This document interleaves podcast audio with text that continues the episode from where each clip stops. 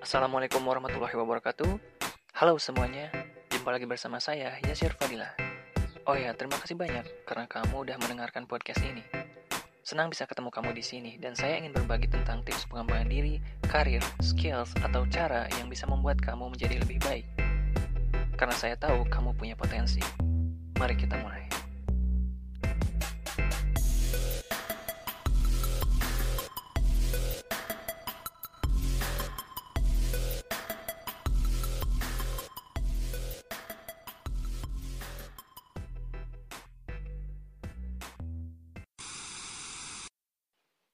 Kali ini saya mau membahas tentang seni kerja cerdas. Kerja keras itu bagus, tapi kerja cerdas lebih bagus lagi. Ya, saya udah coba buat kerja keras, buat mencapai goals-goals yang udah saya tetapin. Tapi itu malah bikin saya jadi kewalahan gitu. Yang di mana tingkat kebahagiaan saya malah uh, nggak sebanding itu sama usahanya. Ya, kebahagiaan saya malah nggak bener-bener meningkat gitu. Nah, jadi ini seperti menggali emas gitu. Gali dalam banget, tapi ternyata emas yang didapetin itu cuman sedikit. Lalu saya coba buat kerja lebih cerdas. Karena ini bisa bantu saya buat menghemat waktu dan juga energi.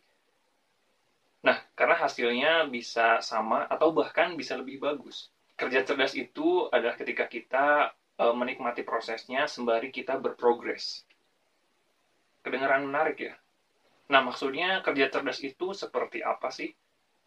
Maksudnya, kerja cerdas itu adalah ketika kita menggunakan e, kemampuan otak kita semaksimal mungkin dengan mencari cara yang lebih mudah dan juga lebih efisien untuk menyelesaikan tugas atau proyek. Ini bukan cara untuk melarikan diri, tapi cara yang lebih cepat, seperti shortcut, tapi yang lebih efisien gitu. Ini beda sama kerja keras, karena ketika kerja keras kita memaksimalkan waktu dan energi di tugas atau di proyek yang kita kerjakan. Dan malah e, tanpa mem memikirkan atau tanpa mempertimbangkan ekologi. Ya, ekologi di sini maksudnya adalah e, tentang hubungan kita dengan bagian hidup kita yang lain. Misalnya tentang hubungan kita dengan Tuhan, hubungan kita dengan orang lain, atau hubungan kita dengan kesehatan kita sendiri. Ya, karena ketika kita benar-benar kerja keras itu, seolah-olah kita harus e, mencapai sesuatu, harus mengerjakan, harus menyelesaikan tugas itu. Sampai-sampai kita lupa sama Tuhan kita mungkin, e, lupa sama orang yang kita cintai, atau lupa sama kesehatan kita sendiri. Padahal itu adalah bagian-bagian yang penting juga. Jadi, itulah pentingnya kita buat menyeimbangkan antara pekerjaan kita dan juga bagian hidup kita yang lain. Jadi kita harus e, mengecek ekologinya. Udah ekologis atau belum? Waktu dan energi menjadi pembeda di sini. Gimana kalau seandainya kita bisa menggunakan waktu dan energi sebaik mungkin sehingga kita nggak kehilangan itu. Kita nggak kehilangan waktu dan juga nggak kehilangan banyak energi. Ya, ini waktunya buat kerja lebih cerdas Uh, Oke, okay, saya akan sharing beberapa strategi untuk uh, kamu biar bisa kerja lebih cerdas. Yang pertama adalah lakukan satu tugas dalam satu waktu. Ya, melakukan satu tugas dalam satu waktu ini bisa bantu kita untuk mengurangi tingkat kelelahan. Karena uh, ketika kita fokus dal dalam mengerjakan satu tugas atau satu project, kita akan masuk ke dalam kondisi flow state. Ya, kondisi flow state ini ketika kita bisa benar-benar fokus sama apa yang kita kerjain, sehingga hasilnya bisa lebih bagus. Bayangkan seandainya kamu bisa mengerjakan tugas kamu tanpa uh, distraksi, tanpa terlalu fokus sama main game, tanpa fokus sama video-video yang ingin ditonton, atau tanpa terdistraksi sama hal-hal yang gak berhubungan sama tugas atau proyek yang sedang kita kerjain.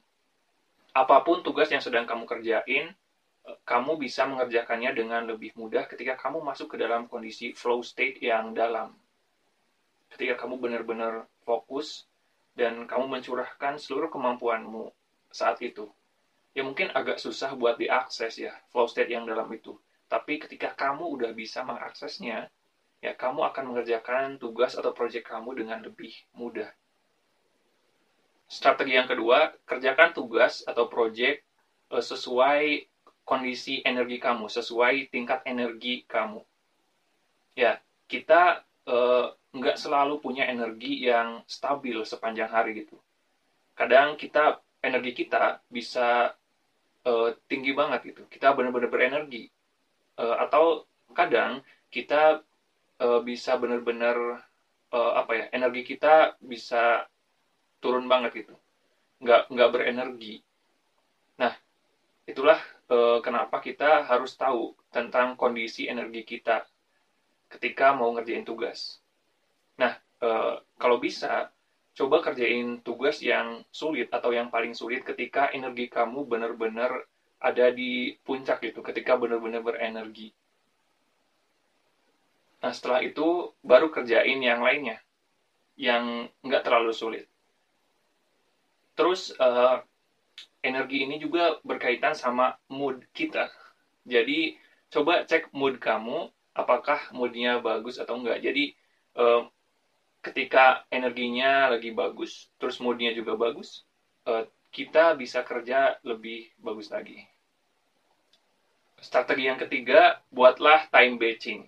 Ya, time batching atau time blocking ini uh, bisa bantu kita buat lebih fokus sama apa yang kita kerjain jadi time batching ini semacam uh, project management atau task management di mana kita menempatkan tugas-tugas yang karakternya sejenis atau yang kategorinya sama di periode waktu yang sama. Jadi misalnya saya lebih suka menempatkan kegiatan menulis sama uh, mengedit di periode waktu yang sama. Tapi saya memisahkan uh, kegiatan seperti main game di waktu yang berbeda. Karena uh, karakter atau kategorinya berbeda. Nah, dengan begitu kita bisa fokus sama apa yang uh, kita kerjain. Kita nggak terlalu terdistraksi sama uh, kegiatan yang nggak sejenis. Ya, time batching ini bisa menghindari kita dari membuang-buang waktu. Jadi kita bisa manfaatin waktu sebaik mungkin mengerjakan sesuatu yang uh, sejenis. Kesimpulannya, sekarang kamu bisa kerja lebih cerdas. Kamu bisa menggunakan waktu dan energi kamu sebaik mungkin, seefisien mungkin. Eh, kamu bisa mengerjakan satu tugas di satu waktu.